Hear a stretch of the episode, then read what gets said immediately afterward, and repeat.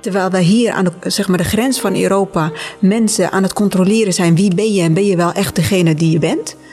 Wordt olijfolie in Tunesië, de staan echt, de schepen staan klaar, Italiaanse schepen, om olijfolie te kopen en vervolgens onder uh, Italiaans vlag te verkopen. Dus olijfolie mag van identiteit veranderen, maar mensen, ho maar. En op die manier werd ik aangespoord om na te denken over dat begrip haraga. Wat doet dat nou eigenlijk met ons denken over migratie? En het doet ontzettend veel. Terwijl hier migratie heel erg verbonden is met identiteiten. Hè, van wie is de migrant, wie is de vluchteling en wie is de economische vluchteling. En hè, dat, daar zijn wij heel erg zenuwachtig over hier in het Westen. Is haraga niet zozeer een identiteit, maar een activiteit. Het gaat echt over wat je doet om die grens te verbranden. Welkom bij De Verbranders, een podcast over Europa's grenzen en verzet ertegen. Ik ben Wiebe Ruitenberg. En ik ben Neske Baarwald. Onze gast in deze eerste aflevering is Amaat Macharik. Amaat is professor antropologie aan de Universiteit van Amsterdam en we spreken haar over haar werk in de Tunesische kuststad Zergies, waar zij onderzoek doet naar de lichamen van mensen die in hun poging om Europa te bereiken verdrinken en uiteindelijk daar in de baai van Zergies aanspoelen. In de aflevering vertelt Amaat over hoe Europa's grenzen dood produceren en ook hoe die dood nooit losgezien kan worden van de mogelijkheden die mensen hebben tot leven. Want zoals Amaat beschrijft, hangt het aanspoelen van die lichaam op het strand samen met de extractie van grondstoffen, die de omgeving rondom Zargis vervuilt en vernielt, terwijl de winst naar Europa vloeit. We spreken over de koloniale verhoudingen toen en nu die achter deze verbindenissen schuilgaan. We spreken Amaat ook over Haraka, Harga is een Arabisch woord dat in Tunesië en andere Maghreblanden gebruikt wordt om te spreken over geïlegaliseerde migranten. Het vertaalt letterlijk als zij die verbranden of de verbranders en verwijst in de context van grenzen naar het verbranden van Europa's visaregime.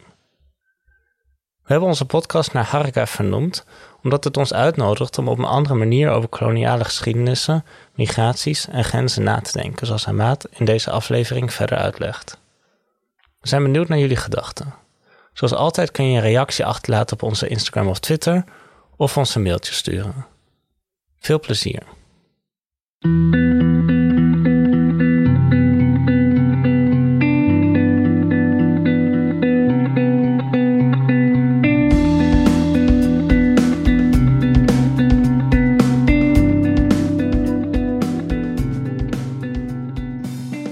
Welkom, Amaat.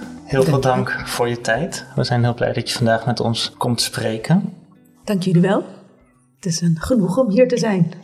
Misschien ten eerste willen we je vragen hoe je tot dit onderzoek kwam in Zargis. Uh, je deed lange tijd onderzoek naar DNA-profielen en forensisch onderzoek in Nederland. En dit is eigenlijk ook misschien een nieuwe stap in jouw onderzoek. En we, we zijn benieuwd hoe jij tot die stap gekomen bent en hoe dat ook jouw positie en beeld van Zargis veranderd hebben. Dat komt omdat ik leiding geef aan een vrij groot project. Het heet het Race Face ID project. In dat onderzoek kijken we naar verschillende forensische technieken om een gezicht te geven aan een onbekende persoon, een verdachte of een slachtoffer van een misdrijf. Nou, die uh, gezichtgevende technieken zijn natuurlijk gericht uiteindelijk op het individu. Je wil individualiseren. De forensische wereld kennende weet ik dat het vaak gepaard gaat met ook racialiseren van zo'n profiel. Nou, dat leek me dan een uitgelezen kans om die technieken wat preciezer in de praktijk etnografisch te bestuderen, van laboratorium tot in uh, rechtszaal, zou ik maar zeggen. En te kijken wanneer ras nou een rol gaat spelen. En ja, als ras niet echt puur een biologische uh, entiteit is, ja, wat is het dan? Het we weten dat het een, een complex fenomeen is, maar op welke manier wordt het dan vormgegeven en hoe speelt het een rol in die praktijk? Dat onderzoek begon te lopen in 2015. Dat is het hoogtepunt van de zogenoemde migratiecrisis hier in Europa, Europese migratiecrisis. En we werden natuurlijk geconfronteerd met mensen die aankwamen in Europa, maar ook met de dood aan de grenzen van, uh, van Europa. Ja, dus dat riep mij de vraag op van, is er interesse om deze mensen te identificeren, om ze een naam te geven, een gezicht te geven? En ik vond het heel verrassend dat daar niks op gebeurde. En, uh, en er gebeurde inderdaad ook niks. Met een paar kleine initiatieven hier en daar aan de grenzen van Europa, in Italië in het bijzonder. Dus ik ben mm. dat uh, gaan zoeken. Ik heb contact opgenomen met de mensen die in Italië bezig waren. bijzonder Christina Cateneo, een forensische antropoloog die daar best veel werk in heeft verzet. En, zo langzaam begon ik ook te lezen over wat er gebeurde in Tunesië. Dus het aanspoelen van lichamen. En niet zozeer het forensisch werk, maar het feit dat dus die lichamen niet alleen in Europa terechtkomen, maar ook elders in de wereld aan de andere kant van de Middellandse Zee. Dat spoor ben ik gaan volgen en dat bracht mij naar Zarzis, het zuiden van Tunesië, dicht tegen de Libische grens aan zitten we. In een soort van baai daar in de Middellandse Zee. En het is toevallig ook de plaats waar ik oorspronkelijk vandaan kom. Waar ik uh, nou, als elfjarige zeg maar op het vliegtuig werd gezet naar, uh, naar Nederland. Dus dat was voor mij heel bijzonder om daar mijn focus op te gaan richten. En om te kijken van wat gebeurt er nou daar precies met, met deze lichamen. En ja, hoe wordt er zorg voor gedragen. En uh, dat spoor verder uit te vogelen. En kan je misschien iets meer vertellen over Chargis en waarom het zo is dat daar, dat daar die lichamen aanspoelen? Ja, nou, zoals ik zei, het is een vissersstad, het is een kuststad, uh, dicht tegen de Libische grens. In een baai, waardoor, uh, en met een specifieke stroom in de Middellandse Zee in dat deel, waardoor de lichamen of de boten die zinken tussen Libië en Lampedusa, zou ik maar zeggen, uh, dat zowel het afval als ook de lichamen door de stroming van het water al daar naar dat kuststadje gebracht worden. Dus vandaar dat die lichamen typisch daar aan die lange kust van Zarzis uh, aanspoelen. Het is een vissersstad dat na de revolutie, uh, de Tunesische revolutie in 2011, ook heel erg in het vizier was, omdat daar ontzettend veel mensen, migranten, Tunesische migranten, vertrokken richting Lampedusa. Mm. Waarbij de vissers dat proces natuurlijk hebben, hebben geholpen. Ze hadden de boten, ze hebben de kennis van de zee, dus ze hebben heel veel mensen gesmokkeld. Maar tegelijkertijd waren er weer andere vissers die juist de mensen die verdronken naar de kust hebben gebracht. Ofwel de kustwacht hebben ge gealarmeerd van hé, hey, er is een boot in de problemen, je moet wat doen. Ze hebben ook echt duizenden van mensen aan boord genomen en, en, en gered, gered. voor verdrinking. Um, die hebben heel veel werk verricht om... Uh, en daarmee een rol gespeeld in, die, in, in de drama's die we hebben meegemaakt hier op afstand. We hebben ook ter voorbereiding van dit gesprek wat andere mm, gesprekken gezien die je hebt gevoerd in de media. Bijvoorbeeld een, een rapportage van Zembla. Mhm. En daarin uh, werd ook een prachtig portret geschetst van een visser die Shamseddin heet. Mm -hmm. um, Shamseddin Marzouk, ja. Shamseddin Marzouk. Kan je iets meer vertellen over, over hem en misschien over anderen die je bent tegengekomen ja. in Chargis. Ja, nee, dat is natuurlijk het, het, mooie ook van toen ik eenmaal dat spoor begon te volgen naar, uh, naar is dat ik dus vond dat daar ontzettend veel werk gebeurde. Houd je touwtje, want het, het, zuiden van Tunesië is een armer deel van Tunesië, dus er zijn niet heel veel middelen uh, vanuit de centrale overheid en ook niet vanuit de regionale overheid. Dus ik was heel erg ontroerd om te zien hoe de lokale bevolking eigenlijk zoveel werk verrichtte om zowel de levende als de dode mensen, om daarvoor te zorgen. En Shamsuddin is een van de mensen die toen de, ja, moet ik het een revolutie noemen, in, in Libië, maar de, de opstand en het geweld in Libië uitbrak, ook in 2011. Toen had je echt een grote exodus naar Tunesië toe van Chinese gastarbeiders, uh, Egyptische, um, eigenlijk iedereen, dat was een gastarbeidersland. Dus iedereen ik geloof op een gegeven moment iets van 300.000 mensen die in een vrij korte periode uit Libië gingen en die opgevangen werden in het zuiden van Tunesië in kamp Souche. En Shamsuddin heeft daar namens de Rode Maan als vrijwilliger gewerkt. Op die manier is hij ook in die migrantenscrisissituatie terechtgekomen. En nadien heeft hij de gemeente steeds bijgestaan bij het begraven van lichamen. Dus hij is iemand die ook op een gegeven moment heel actief is geweest, heel vocaal is geweest, ook in de media, internationale media, om te zeggen van nou, we moeten iets beters verzinnen voor het begraven van deze mensen. Want op dat moment was er een begraafplaats en het was zeg maar vlakbij een voormalige vuilnisbelt. Uh, dus dat was niet een hele goede plek, zou ik maar zeggen, om mensen hun laatste uh, oord toe te wijzen. Ook wel symbolisch, dat het ja. letterlijk een vuilnisbelt is waar je, ja, waar je, mensen begraaft. Ja, het, het, is een hele nare symboliek. En daar hebben mensen als uh, Shamsuddin, maar ook Mohsen Lihede, een, een, ja, een lokale autonome kunstenaar zou je kunnen zeggen, zich heel erg druk over gemaakt. En ik heb hen leren kennen toen ik in Zarzis begon om dit te verkennen. En wat ik interessant vind aan Mohsen is dat uh, precies dat punt eigenlijk van afval, daar werkt hij mee. Dus je, je hebt de lichamen die, zou ik maar zeggen, bijna als afval worden afgedankt in zo'n professorische begraafplaats. En Mohsen verzamelt ook hij, op een gegeven moment vond hij natuurlijk ook lichamen aan, uh, aan de kust, maar ook heel veel afval wat de zee brengt. Mm. Plastic, uh, weet niet wat. Uh, maar ook schoeisel, kleding van mensen, um, accessoires, tasjes en, en, en speelgoed van kinderen, kinderschoenen. En, en hij heeft precies eigenlijk dat gebruikt, afval, om aandacht te vragen voor deze doden. Om te laten zien van, hé, hey, dit is wat van deze mensen over is gebleven, namelijk afval, maar het gaat hier over mensen. Ja, eigenlijk bijna om die stukken afval, de overblijfselen, de resten, de sporen van mensen te verzamelen en daarmee de doden ook een stukje eh, tot leven te brengen of hun leven te eren. Ja, ja, ja. Ja, zowel uh, om te laten zien van kijk om hoeveel het gaat. Want het gaat echt om hopen van schoenen iedere keer weer. Zijn, vel, zijn een, uh, erf is vol met schoeisel en kleding. En sommige kleding heeft hij dan wel gewassen en opgehangen en zo, om gewoon echt ook die mensen te eren. Maar het, is, het gaat om zoveel. Dus je ziet gewoon de kwantiteit over, eh, waar, waarover we spreken. En tegelijkertijd het zeg maar met heel veel aandacht behandelen van die kledingstukken of schoeisels. En daar mooie kunstbeelden van te maken. Uh, mooi niet gelikt, dat wil ik heel helder zeggen, maar mooi dat ze aanspreken, dat ze je aanraken als je ze ziet is, is precies een interessante en mooie manier om het leven te eren. Om te zeggen van, kijk hier, we hebben het over mensen.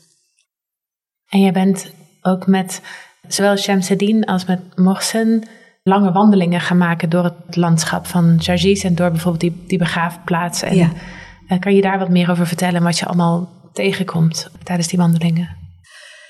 Ja, met Shamsuddin ben ik heel veel op die begraafplaats geweest en met Mohsen eigenlijk veel meer ook... Uh, de kust van Zarzis. En dat is een traditie. We wandelen altijd. We wandelen soms gewoon vlakbij de stad.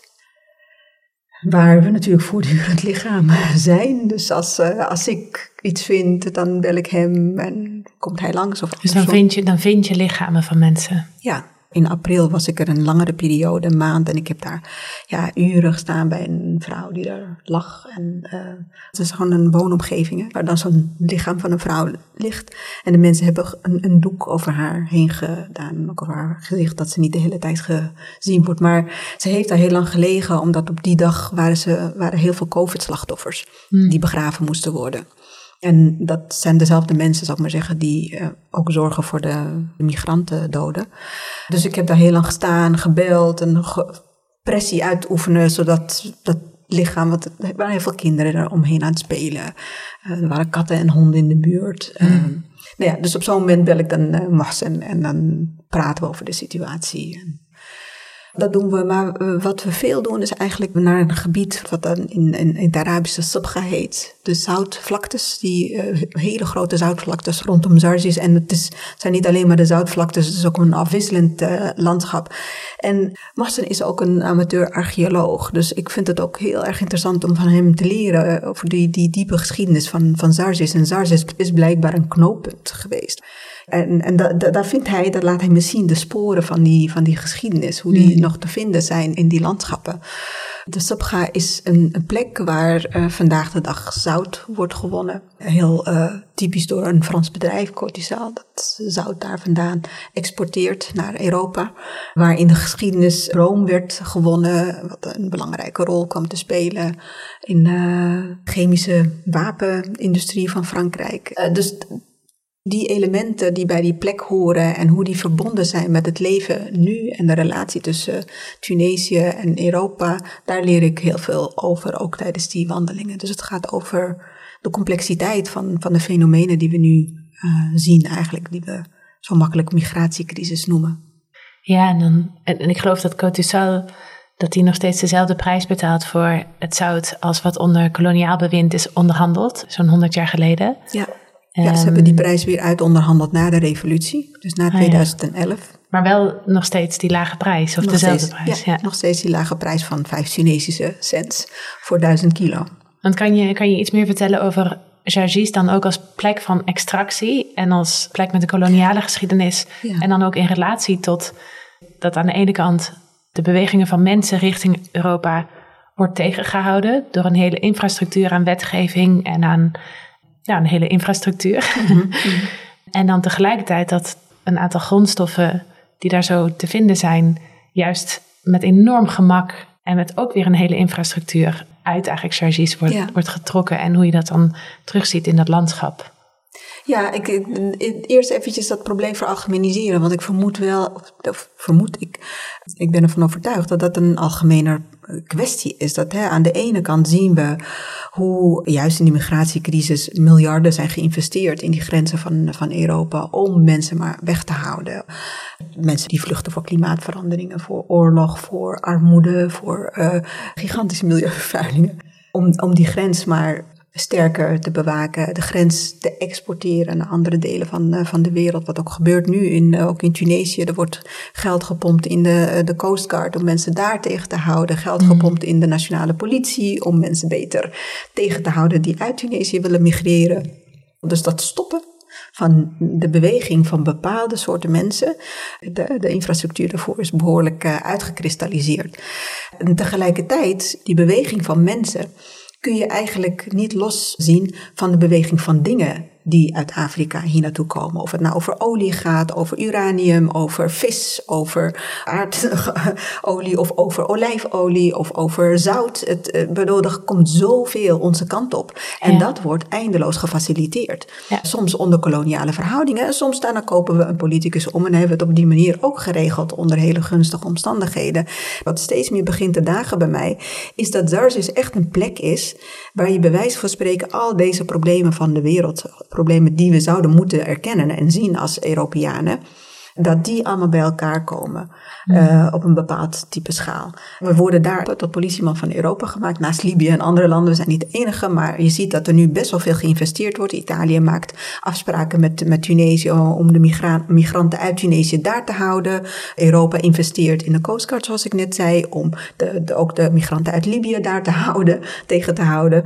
Maar tegelijkertijd is Nederlandse bedrijven zitten daar in Tunesië, in het zuiden van Tunesië, van, van Gabes tot Tataouine zuidelijker, om de beste tomaten van de wereld daar te produceren, heerlijke paprika's daar te produceren, zelfs aardappels daar te produceren. En wat betekent dat dan? Ja, natuurlijk wordt er wat arbeidsgelegenheid gegenereerd. Eh, maar die bedrijven opereren in handen van Nederlandse werknemers, zeg maar de hogere echelons zijn Nederlandse werknemers. Maar nog veel problematischer is, is dat er water wordt weggezogen, waardoor dus lokale boeren niet kunnen boeren. Nou, wat doe je dan als je niet meer kunt boeren? Dan pak je de boot en dan ga je ergens anders je heil zoeken. Dus water is een gigantisch probleem. De uh, visserij, dat is bijna non-existent voor die zuidelijke landen. In Zarzis valt er bijna niet meer te vissen en je moet steeds verder weg. In, in Gabes, dus iets noordelijker, kan je niet meer vissen omdat door de extractie van fosfor die hele kust is vervuild. Er zijn geen vissen meer daar te vissen en als je ze vist wil je ze niet eten. Tegelijkertijd vervuilt die extractie van fosfor het, water voor de lokale boeren. Dus hier heb je al een aantal voorbeelden van dingen...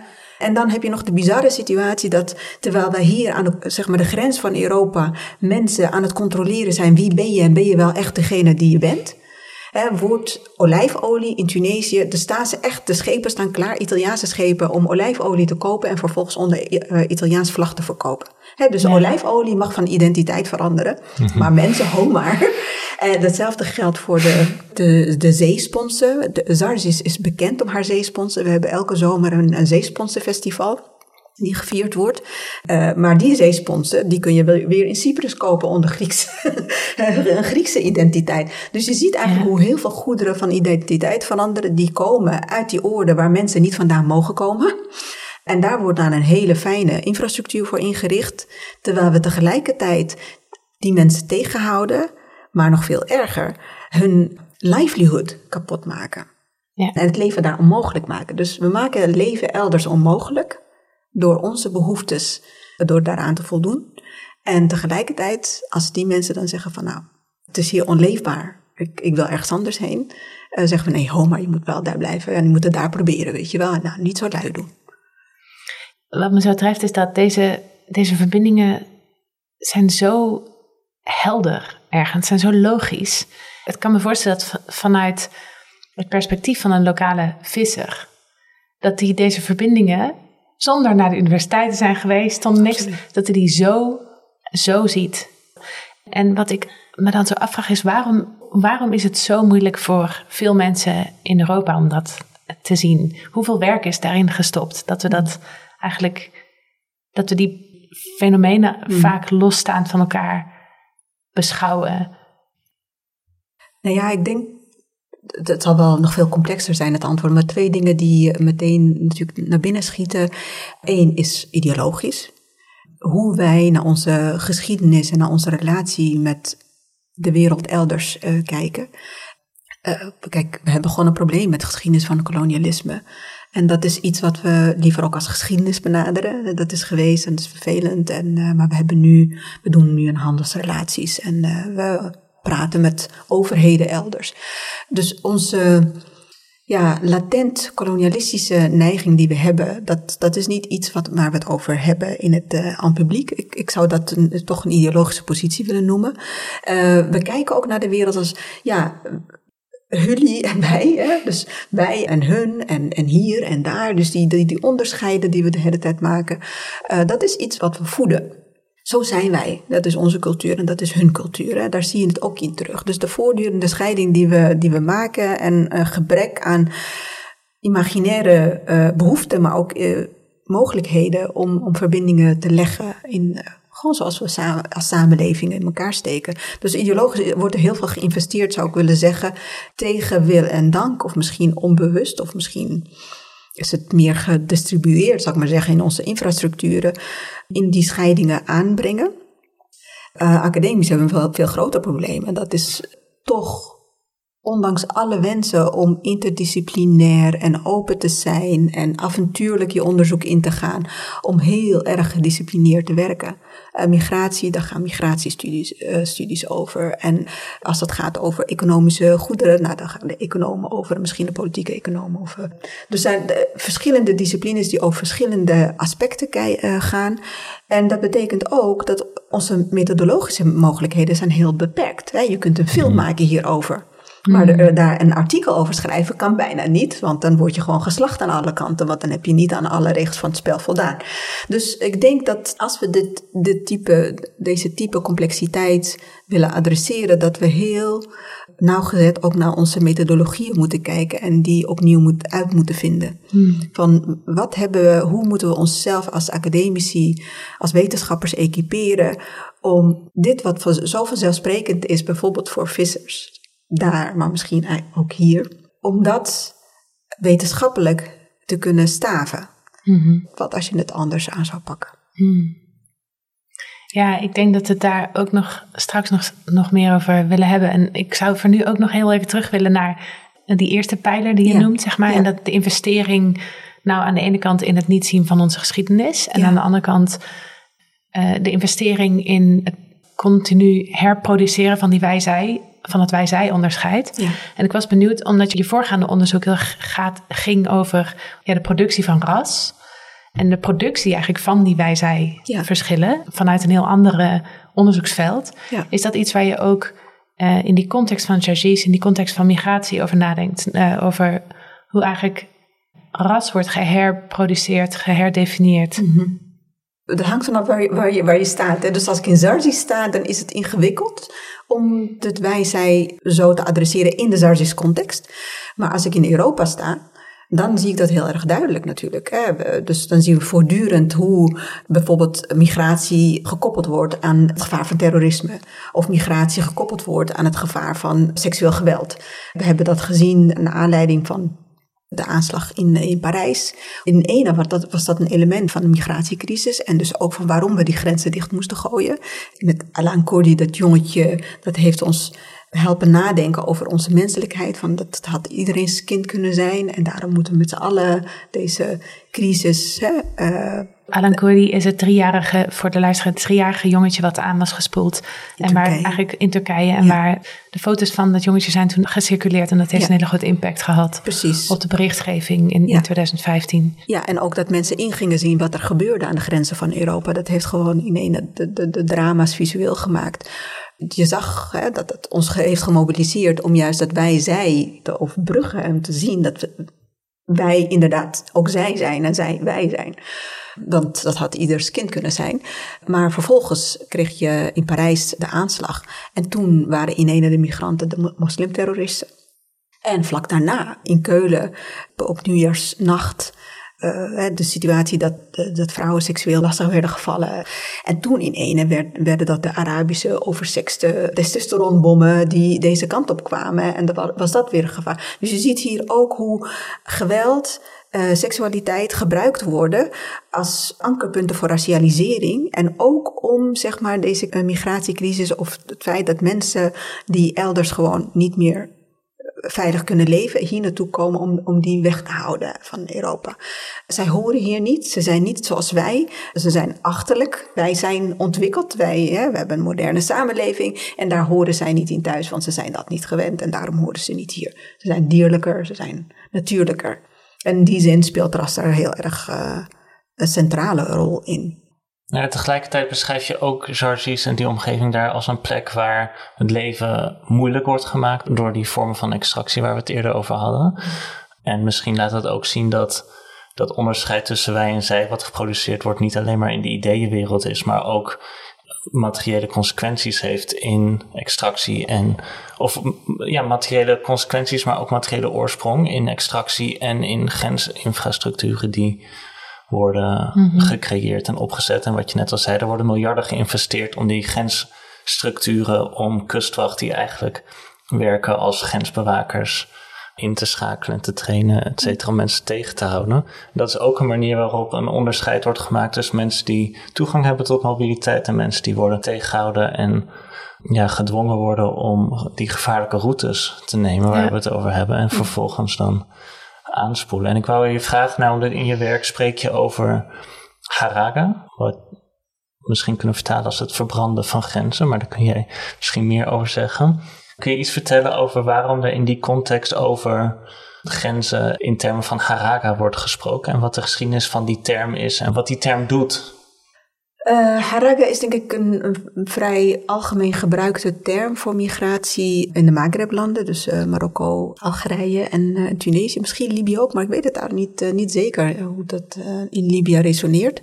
Het is een term die een vrij lange geschiedenis heeft. Voor, voor het eerst, ik weet nog wel als kind toen ik in Tunesië woonde, dat het werd gebruikt om illegaal de grens naar Libië over te steken. Dus jarik, tahrik, als je dat doet. Dus je verbrandt de grens. Het wordt ook gebruikt voor verbranden van papieren. dus als je een visum hebt aangevraagd, nu, vandaag de dag, je komt naar Europa op, op een visum en je blijft langer dan de tijd die je officieel mag blijven, dan heb je je visum verbrand. Ehm, visa. En ik vond dat eigenlijk een interessante term om na te denken over met niet-Engelse termen over theorievorming. Dan zijn we weer bij die methodologische aspecten van kunnen we eigenlijk de wereld anders denken als we ook ons taalrepertoire verbreiden. En op die manier werd ik aangespoord om na te denken over het begrip haraga. Wat doet dat nou eigenlijk met ons denken over migratie? En dat doet ontzettend veel. Terwijl hier migratie heel erg verbonden is met identiteiten. Hè, van wie is de migrant, wie is de vluchteling en wie is de economische vluchteling. En hè, dat, dat, daar zijn wij heel erg mm. zenuwachtig over hier in het Westen. Is haraga niet zozeer een identiteit, maar een activiteit. Het gaat echt over wat je doet om die grens te verbranden. Want je moet ontzettend veel doen voordat je die grens kunt verbranden. Het is niet zomaar dat je even op een bootje gaat zitten. Het is een, een kwestie van organiseren. Je geld nodig, je hebt steun nodig van familie, je hebt contacten nodig om uh, die oversteek te kunnen maken. Want als je in een verkeerd bootje gaat stappen, dan kan het zijn dat jouw reis niet heel lang gaat duren en dat je dus op de bodem van de zee eindigt. Dus dat is, daar is echt uh, netwerk en weten wat een veilige boot is en een veilige vervoerder uh, is, is belangrijk. Maar ook kennis van wat er gebeurt aan de kant van Europa. Hoe ziet het eruit als je op Lampedusa aankomt? Wat gebeurt daar precies? Nou, het is ongelooflijk hoeveel kennis daarover te vinden is in Zarzis. Ja. uh, het is echt gewoon al detail. Gewoon van wie je kleren krijgt, van wie je steun krijgt. Oh, als je daar aankomt, dan moet je echt iets van 140 kilometer lopen, te voet afleggen. Oh, dat, dat wil je niet hebben natuurlijk. Dus daar moet je niet terechtkomen. Dus, je moet, en dus uh, waar je tickets kunt kopen voor de bus. Nou, al dat soort dingen wordt helemaal van tevoren uitgemapt. Dus het is een vrij complex ding wat mensen moeten doen voordat ze die activiteit van verbranden van de grens uh, doen. En wat ik heel erg belangrijk vind hier is. Um, en zeker vanuit het Europees perspectief, ja, zij willen maar hier naartoe komen, want hier is het beter en daar is het slecht. Voor mij is het belangrijk om te denken dat, uh, dat is misschien een omweg, toch ook weer naar de, naar, naar de doden, waarom ik interesse heb ook in, in nadenken met, met, met de mensen die het niet halen, met de mensen die sterven, is dat de dood onlosmakelijk verbonden is met het leven en de mogelijkheden tot leven. Hmm. Dus als je mogelijkheden tot een normaal leven weg worden genomen, ja, dan is de dood eigenlijk voor die mensen niet ver weg. En het maakt ook niet uit dat het niet ver weg is, want het zit al ingebakken in het niet kunnen leven zoals je zou willen leven. Aan de kant van Europa denken we echt, die mensen willen, hier naartoe komen omdat we hier, wij hebben het goed en ze willen mee profiteren van onze welvaart en, hun schepen achter zich verbranden. En daarom nemen ze de boot en het zijn mensen die roekeloos zijn, die geen, uh, geen verantwoordelijkheden dragen. En wat ik heb geleerd door het begrip haraga is dat het niet gaat over schepen achter je verbranden en hier naartoe komen. Maar het gaat over hoe je eigenlijk je, je mogelijkheden tot leven kunt vergroten. Dat is niet vertrekken van A naar B, maar het is A en B doen. En, hmm. en die beide dingen aan elkaar verbinden. Want mensen komen niet hier om hier te blijven. Mensen komen hier om hier te zijn en ook daar te kunnen zijn. En ook daar, zeg maar, bij te dragen aan het leven. Ja, wat ik heel mooi vind ook aan de term haraga, of, en ook het zoeken naar juist die activiteiten, in plaats van identiteit, is dat het de focus legt op grenzen en grensinfrastructuren die we creëren, in plaats van de categorieën waarmee wij beleid maken en waaruit wij denken over, weet je, wat je zegt, wie zijn die mensen, uh, in welk hokje moeten we die plaatsen en welk soort juridische status past daarbij, et cetera. Ja. Dat we juist vanuit activiteit en vanuit Haraga. En ook dat het verbranden is en niet reizen of iets dergelijks. Wat in de Egyptische context wordt reizen gebruikt. Wat ik ook wel mooi vind. Maar ik vind dit nog krachtiger, omdat het... Uh, ja, er zit een stukje verzet in. Er zit een stukje verzet in. Zeker, ja. En in, misschien in die context ook een stuk echt linken aan of ook die, die verbindenissen maken, die, die jij vandaag ook voor ons schetst, hoor ik daar ook in terug. Dus ik vind dat in die zin een hele mooie term, inderdaad ook voor theorievorming uh, voor ons. Dat als we over mensen die over grenzen reizen denken, dan denken we over grenzen en niet zozeer over categorieën en cultuur, et cetera. We denken echt over wat zijn de soort infrastructuren die wij in het leven roepen mm uh, en wat doen die met, wat voor soort werelden creëren die. Ja, theorievorming. Maar ik moet ook denken aan ons gesprek met Mariama voor deze podcast. Wat een vrouw is die lange tijd in een geïllegaliseerde toestand in Nederland heeft geleefd. En zij, zij noemt vanuit haar ervaring wat het is om eigenlijk altijd te worden gereduceerd tot je status. Dus dat zij zei, ik vond, ze zegt het mooier dan dat ik dat kan nu, maar dat ze zich een lopend papier voelde. Weet je, mm. van dat eigenlijk ze altijd terug werd gebracht naar naar dat stukje status. Ja. Mhm. En dat je dus eigenlijk bevroren wordt daarin en vastgezet wordt. En dat stukje haraka brengt inderdaad dus in theorievorming, maar, maar ik denk ook vooral vanuit de praktijk. Een stukje beweging, actie, je leven, het leven, ondanks dat je het vast wordt gezet. Dit tegenbeweging die je, wat gewoon bij het leven hoort. Weet je, dat is wat leven is. Leven gaat bewegen, leven gaat zoeken, ja. Uh, leven gaat woekeren. Ja. Wat voor een hokjes we er ook op plakken.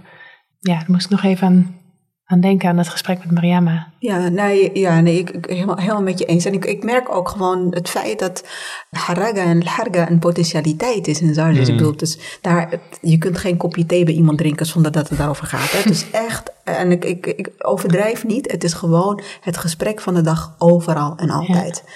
Omdat de economische situatie alleen maar erger wordt. En dus het is iets positiefs. Mm. Dus het is echt die potentialiteit van de boot kunnen pakken en daarheen gaan en praten over de mensen die het gered hebben en wat ze gedaan hebben.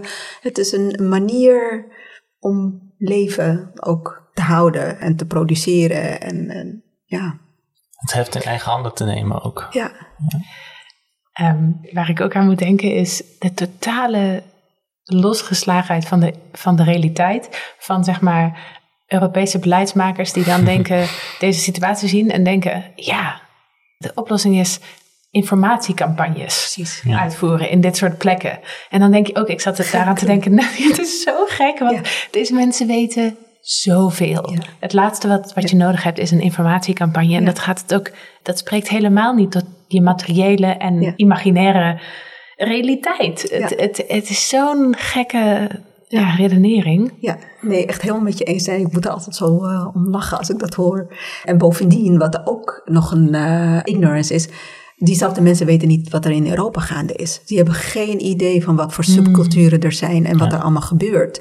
We zijn niet één geheel als samenlevingen. Ja. Het, er zijn voor die uh, rabbit holes in onze samenleving waar dingen gebeuren, waar mensen toch kunnen leven voorbij het toeziend oog van de staat. Niemand heeft het. Uh, uh, hoe zou ik. ik zeg het niet allemaal verkeerd.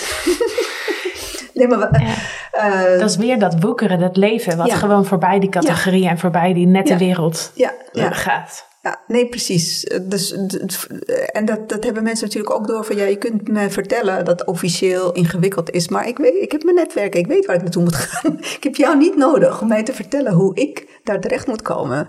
Ja, ik denk dat mensen die informatiecampagnes bedenken, dat die misschien een informatiecampagne nodig, nodig hebben. precies. Wake up. ja. ja. Nou ja, tenzij je in het anders over die informatiecampagnes nadenken en wat voor soort werk die moeten doen. Ik, ik vraag me wel eens af of de mensen die hiermee komen daadwerkelijk denken dat die een effect hebben of dat, ze, dat het meer voor de politieke bühne is. Um, ik heb nog een vraag voor je over dat begrip haraga. Ja. Je hebt er ook een artikel over geschreven, wat we hebben gelezen. En daarin omschrijf je, en je noemde het nu ook al even, dat die term eigenlijk in de jaren 70 is ontstaan in relatie tot de Libische grens. En pas in de jaren 90 is die term zelf gemigreerd, zo, zo, zo te zeggen, eh, richting de, de, Europese context. En dat had alles te maken met, met de creëring van de Schengen-ruimte. Kan je misschien wat meer vertellen over welke invloed uh, Schengen heeft gehad op de mogelijkheden van Tunesiërs om naar het voormalige koloniale Frankrijk, uh, Frankrijk te gaan, ja. Uh, ja, Te, te, reizen. En hoe dat zich eigenlijk verhoudt tot dat dat begrip zich ook steeds meer heeft gericht op de Europese context. Ja. Ja, je zou kunnen zeggen eigenlijk dat Schengen migratie voor mensen buiten Europa tot een uh, een moment heeft gemaakt in plaats van een proces. Hè. Voorheen waren de grenzen open. Er waren periodes dat je ineens een visum nodig had als, Tunesië om naar Frankrijk te komen. En dan was er weer een conflict. En dan had Frankrijk weer een visum geïntroduceerd. En het was eigenlijk steeds een heen en weer. Een soort van visum was een soort van politiek uh, onderhandelingsmiddel. En je, je, heel veel mensen kwamen naar Frankrijk, waren daar een jaar en gingen weer terug, of waren er een maand. En dus veel meer. Nou, circulair. Circulair. Terwijl met, met Schengen werd het een, een, een, als je in Frankrijk wilde zijn, ja, dan moest je je visum verbranden en daar blijven. Want, dus die illegaliteit ingaan. Want anders kwam je daar nooit meer terug. Mm De kansen om terug te komen waren klein. En die werden ook steeds scherper gemaakt. Hè, van, uh, je had een, een, vast contract nodig in, in het land waar je vandaan kwam. Uh, voldoende geld en uh, allerlei motivatie. En dan mag je blij zijn als je al een visum krijgt. Het is echt verdomde moeilijk om een visum te krijgen. Ah ja, en je hebt natuurlijk iemand nodig hier die jou uitnodigt. En die moet ook een vaste baan hebben en een groot huis en Dus in, in die zin zou je kunnen zeggen dat de Harga ook een effect is geworden dus van Schengen en de manier waarop ja, die infrastructuur die we hebben ingericht om de Europese buitengrenzen te militariseren. Mhm. En uh, ondoordringelijk te maken voor bepaalde categorieën van, uh, van mensen.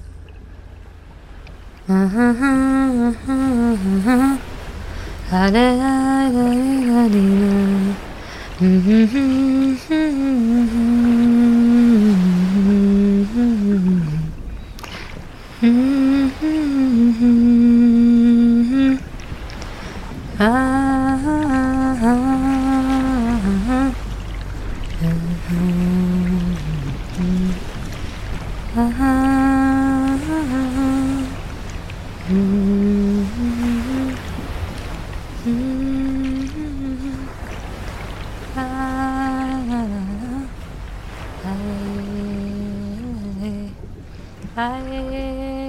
Iets anders waar je mee bezig bent is een boek wat je aan het schrijven bent samen met Mohsen.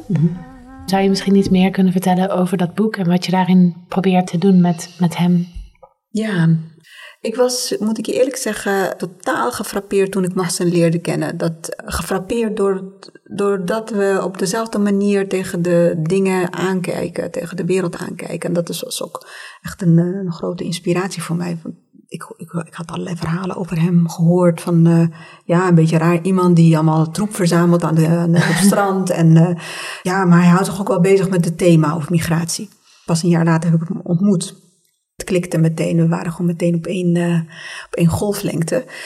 Dan Mohsen in zijn, in zijn werk, dus hij verzamelt dingen die aanspoelen op strand. Hij maakt daar kunst mee. Hij is ook iemand die poëzie schrijft over de dingen die hij ziet. En wat ik interessant vind is dat hij in zijn denken en in zijn kunst migratie en dood verbindt met bijvoorbeeld milieuproblematiek. En dat is voor mij die verbindenis tussen dood en leven mogelijkheden tot leven. Als je mogelijkheden tot leven steeds kleiner worden gemaakt door vervuiling, uh, want uh, plastic, de Middellandse Zee, op de bodem van de Middellandse Zee, ik spreek met vissers daarover en ze zeggen, ze willen, je wil het niet zien hoe verschrikkelijk het daaruit ziet hmm. door al die vervuiling, waardoor vissen en turtles, hoe heet het, schildpaden, uh, sterfte is echt gigantisch aan. Dus hij verbindt die dingen met elkaar en dat is voor mij, het was voor mij zo inspirerend, want op dat moment was ik eigenlijk bezig om dat forensische, waar ik een heel warm hart voor heb natuurlijk, om daar wat dieper over na te denken. Om te denken van nou oké, wat is nou de methodologie van forensisch onderzoek? Nou, die is typisch gericht op materialiteit. Nou, dat is iets wat ik interessant vind, gewoon materiële aspecten van deze crisis, zal ik maar zeggen. En het andere is dat uh, forensisch onderzoek gaat altijd over tijd en temporaliteit. Het gaat altijd over een soort van spelen met tijd, scenario's ontwikkelen. Je hebt het over het verleden, je hebt het over de toekomst. Want wat je doet moet ook een effect hebben in, misschien in de rechtszaal. Of, of eh, op het moment dat iemand zijn of haar geliefde herkent. Of niet. Dus tijd speelt daarin een rol. En het andere wat forensisch werk doet, is het is spoorzoeken. Het is niet mappen, hè, zoals we ook doen in, uh, in ons onderzoek als academici, we zijn heel erg van het mappen, de netwerken goed in kaart brengen en het liefst mm. zo gedetailleerd mogelijk. Nee, forensen die maken aannemelijk dat het ene spoor met het andere verbonden is, of dat ene moment met het andere. Dus het mm. is veel meer trailen. Mm. Dat volgen van sporen, dat was voor mij een hele echt een belangrijke inspiratie. Dus wat ik Waar ik over aan denken was toen ik Morsen leerde kennen, is eigenlijk hoe kunnen we forensisch niet alleen maar denken als een manier om bewijs te leveren, maar als een manier om aandacht te geven aan sporen die in eerste instantie niet met elkaar samenhangen. Hmm. Eh, dus hoe een kledingstukje toch iets kan vertellen, eh, of misschien een grote hoop van kledingstukken over wat zich heeft afgespeeld, wat voor drama zich hebben afgespeeld. Hoe tonnen van zout die hier geëxtraheerd worden te maken hebben met het feit dat het een omgeving onleefbaar wordt voor anderen, waardoor ze eigenlijk de dood ingejaagd worden. Hoe die dingen met elkaar te rijmen zijn, zonder te zeggen van dat is een, een eenvoudige causale relatie, maar er is wel een relatie. Hmm. En dat is wat Marsen in zijn kunst doet en ook in zijn poëzie. En wat ik als sociale wetenschapper vorm probeer te geven. Dus toen, uh, nou ja, al pratende uh, uren en uren en uren, dachten we, we moeten gewoon iets samen doen. En uh, we zijn bezig met een boek. Ik ben nu met schrijfwerk bezig. Marcel heeft, ik, ik, heb een aantal van zijn gedichten provisorisch vertaald. Maar later moeten ze natuurlijk professioneel vertaald worden. Hij schrijft veel in het, in het Frans. Dus het is een boek, dat, een soort van collage van gedichten, foto's van zijn kunstobjecten. Eh, vignetten die ik zelf heb opgeschreven, korte essays die we samen schrijven, die de, dus de complexiteit van migratie opzoeken in plaats van ervan weg te lopen. Hoe inderdaad extractie van zout samenhangt met een lichaam dat we op het strand zien. Het verhaal van de vissers. Eh, de, de rol die ze hebben gespeeld bij het redden van levens, maar hoe hun eigen livelihood eigenlijk ik bedoel, ze hebben niet alleen maar te maken met de dood van mensen, maar ook met de dood van vissen en, en met die schildpaden. En hoe de, de grens van Europa, die niet alleen maar materialiseert in uh, de, de kustwacht van Tunesië, waarin investeringen worden gedaan, maar er worden ook grenzen in de zee getrokken. Want de kustwacht van Libië, die is verantwoordelijk voor dat stukje zee, mhm. en die van Tunesië hier Nou, vissers, die waren typisch eigenlijk, die, die hielden zich ook niet aan grenzen. Dus Tunesische vissers visten in Libische water en Libische vissers in Tunesische water. En nu worden Tunesische vissers beschoten door de Libische kustwacht, omdat zij hun grenzen moeten bewaken van Europa. Mm. En er ontstaan er dus problemen, terwijl de, de Libische vissers niet aan het vissen zijn. He, die hebben andere dingen aan hun hoofd, zou ik maar zeggen. Maar het water kan niet bevist worden, omdat de Libische kustwacht migranten aan het tegenhouden uh, is. En daarom dus ook de Chinesische vissers niet in hun water meer. Dus de burenrelaties die heel vloeibaar waren grenzen die heel erg vloeibaar waren en burenrelaties die redelijk goed waren, worden nu onmogelijk gemaakt door de Europese grenzenpolitiek. Nou ja, dat, dat hele complexe verhaal willen we eigenlijk in het boek vormgeven. Met heel veel aandacht ook voor de plaats Zarzis, voor haar geschiedenis, ook de, de, zeg maar de interesses van Mahsen in archeologie en uh, gewoontes, de lokale gewoontes en hoe die ja, ook de plek hebben gemaakt uh, tot wat ze is. Ja, en, en sluit het ook aan bij waar je het eerder over had, dat eigenlijk in de academische context die zo interdisciplinair wil zijn, maar dat toch niet echt is, in ieder geval niet in de publicatiestructuren. Ja. Uh, en je noemde toen even dat, dat wat we nodig hebben, zijn ook echt nieuwe methodologieën om die complexiteit in beeld te brengen. Zie jij die samenkomst van kunst enerzijds en forensisch onderzoek anderzijds, ben je daarmee echt ja, mee bezig met wat die combinatie kan doen, ook als, als methodologie? Uh, ja nee. Dus ik zie, ik zie het heel erg productief in dat project van wat ik samen met, uh, met Marsen doe. Dus ik denk, ik denk dat het heel veel potenties heeft.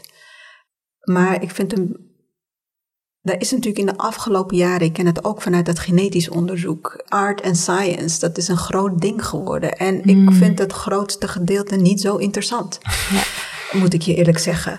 Want wat er gebeurt is dat een soort van fetischisme van wetenschap wordt, eh, van science wordt gedaan. En fetischisme van wat een gen is of wat een elektron is of whatever.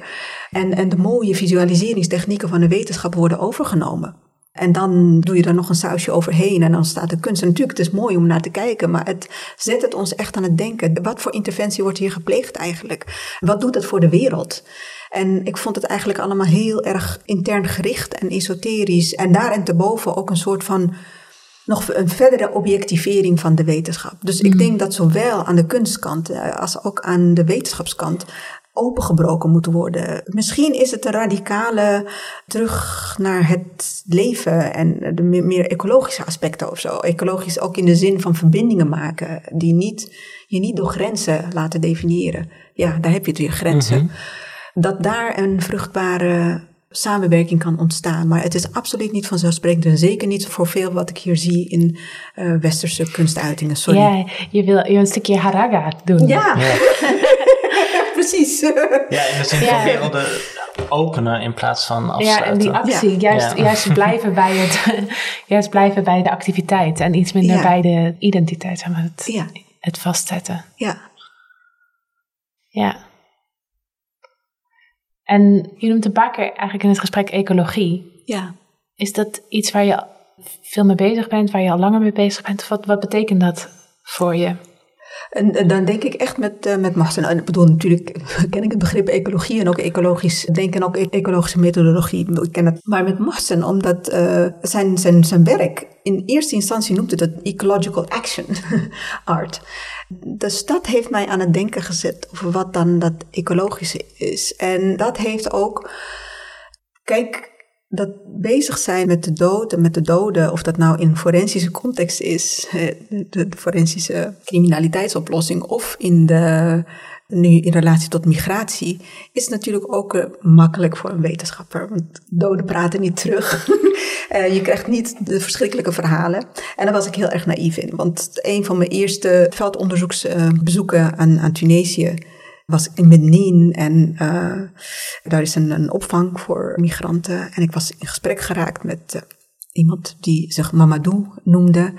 En ja, onmiddellijk was zijn leven verbonden met de dood van zijn familieleden net. Want hij was net uit Libië gevlucht, te voet in Tunesië aangekomen, totaal uitgeput. En hij was ziek en alles. En hij, vertelde dus over wat er was gebeurd en dat, uh, dat er op hun boot is geschoten door de kustwacht. En uh, hij is gewoon teruggezwommen. Ik was daar gewoon heel, heel naïef uh, over, tot op zekere hoogte. En voor mij wat, um, wat ik met Mohsen en met zijn ecologisch denken, dat zijn persistentie ook, dat het over ecologie gaat allemaal, is eigenlijk hoe dood en leven met elkaar verbonden zijn. Hoe en hoe die grenzen eigenlijk dood produceren, maar dat nooit losgezien kan worden van het lichaam. Dus eigenlijk als je alleen maar op de dood focust, dan you buy into wat die grenzen doen. Mhm. Dus die grenzen denken is precies nadenken, niet alleen maar over de dood, maar ook over het leven. Ook als het gaat over het leven dat onmogelijk is gemaakt. Eh, dat als de leefbaarheid weg is gehaald en hoe dat eigenlijk migratie voortdurend aan het produceren is. Dat dat samenhangt met die grenzen. Diezelfde grenzen die, die we neerzetten voor, om mensen tegen te houden, zijn dezelfde grenzen die het mogelijkheden tot leven onmogelijk hebben gemaakt elders. Waardoor die grenzen opgezocht worden, als het ware. En dat zit voor mij wel in dat ecologisch denken, omdat het dus ook de focus verlegt naar wat, wat houdt het leven dan in. En dat is dat leven waar water wordt weggezuigd, gezogen, uh, waardoor je geen drinkwater hebt, maar ook geen water hebt om te kunnen boeren. Dat is dat water dat vervuild is. Dat zijn de bronnen die weggehaald worden, waardoor. Hè, dus eh, in Tunesië is graan heel erg belangrijk voor couscous en andere uh, belangrijke maaltijden in de Tunesische keuken. Maar dat graan, dat is Monsanto-graan geworden. Dus de lokale graansoorten, die, die, kun je bijna niet meer vinden en die kun je ook niet meer boeren. Er zijn uh, boeren in, in het zuiden van Tunesië die echt bijna fysiek hun granen moeten beschermen tegen Monsanto granen dus die ze van hun groot, groot, overgrootouders hebben geërfd. Gewoon een samples die ze dan weer opnieuw kunnen planten. Waardoor ze weer een meer duurzame manier van uh, landbouwbedrijven uh, kunnen voeren. Maar wat het ook een betere smaak heeft. Dus zelfs ons smaak, de smaak wordt daar weggehaald. Hoe die dingen met elkaar samenhangen is voor mij... Uh, dat, ja, dat heb ik wel geleerd met Mohsen. En dat is voor mij wel dat ecologisch denken. Proberen zo open mogelijk te blijven naar wat het leven inhoudt en wat het leven vormgeeft. Ja, misschien dat je eigenlijk het antwoord al hebt gegeven op de vraag die ik wil stellen. Als je denkt aan onze luisteraars, mhm. wat is voor jou belangrijk dat zij meenemen uit dit gesprek? Ik zou zeggen, op zoek gaan naar manieren om die afstand tussen wij en zij proberen te overbruggen. En dat zit, kan in heel veel dingen zitten. Dat is misschien je de vraag stellen van, goh, mijn Hollandse tomaatje die ik uh, bij de Deka koop of uh, Jumbo of zo. Waar eigenlijk in de wereld is die gegroeid? Tegenwoordig is het helemaal niet obvious dat het hier uit de kassen komt in Nederland. Uh, de bloemen die ik in huis heb, waar in de wereld zijn die eigenlijk geproduceerd? En wat betekent dat, dat het elders is geproduceerd? Niet alleen maar wat betekent het voor de Nederlandse economie, zoals we plegen te denken. Want ja, dat hebben onze Nederlandse investeerders goed gedaan en goed gezien, eh, opportunities gepakt. Maar dat komt met een prijs en wie betaalt die prijs? Als we die complexiteit denken, in het kleine, maar misschien ook in het academisch eh, leven, denk ik dat we al belangrijke stappen hebben gezet. Mooi. Dan willen we je denk ik heel erg bedanken voor vandaag en voor het gesprek. Ja, en jullie ook.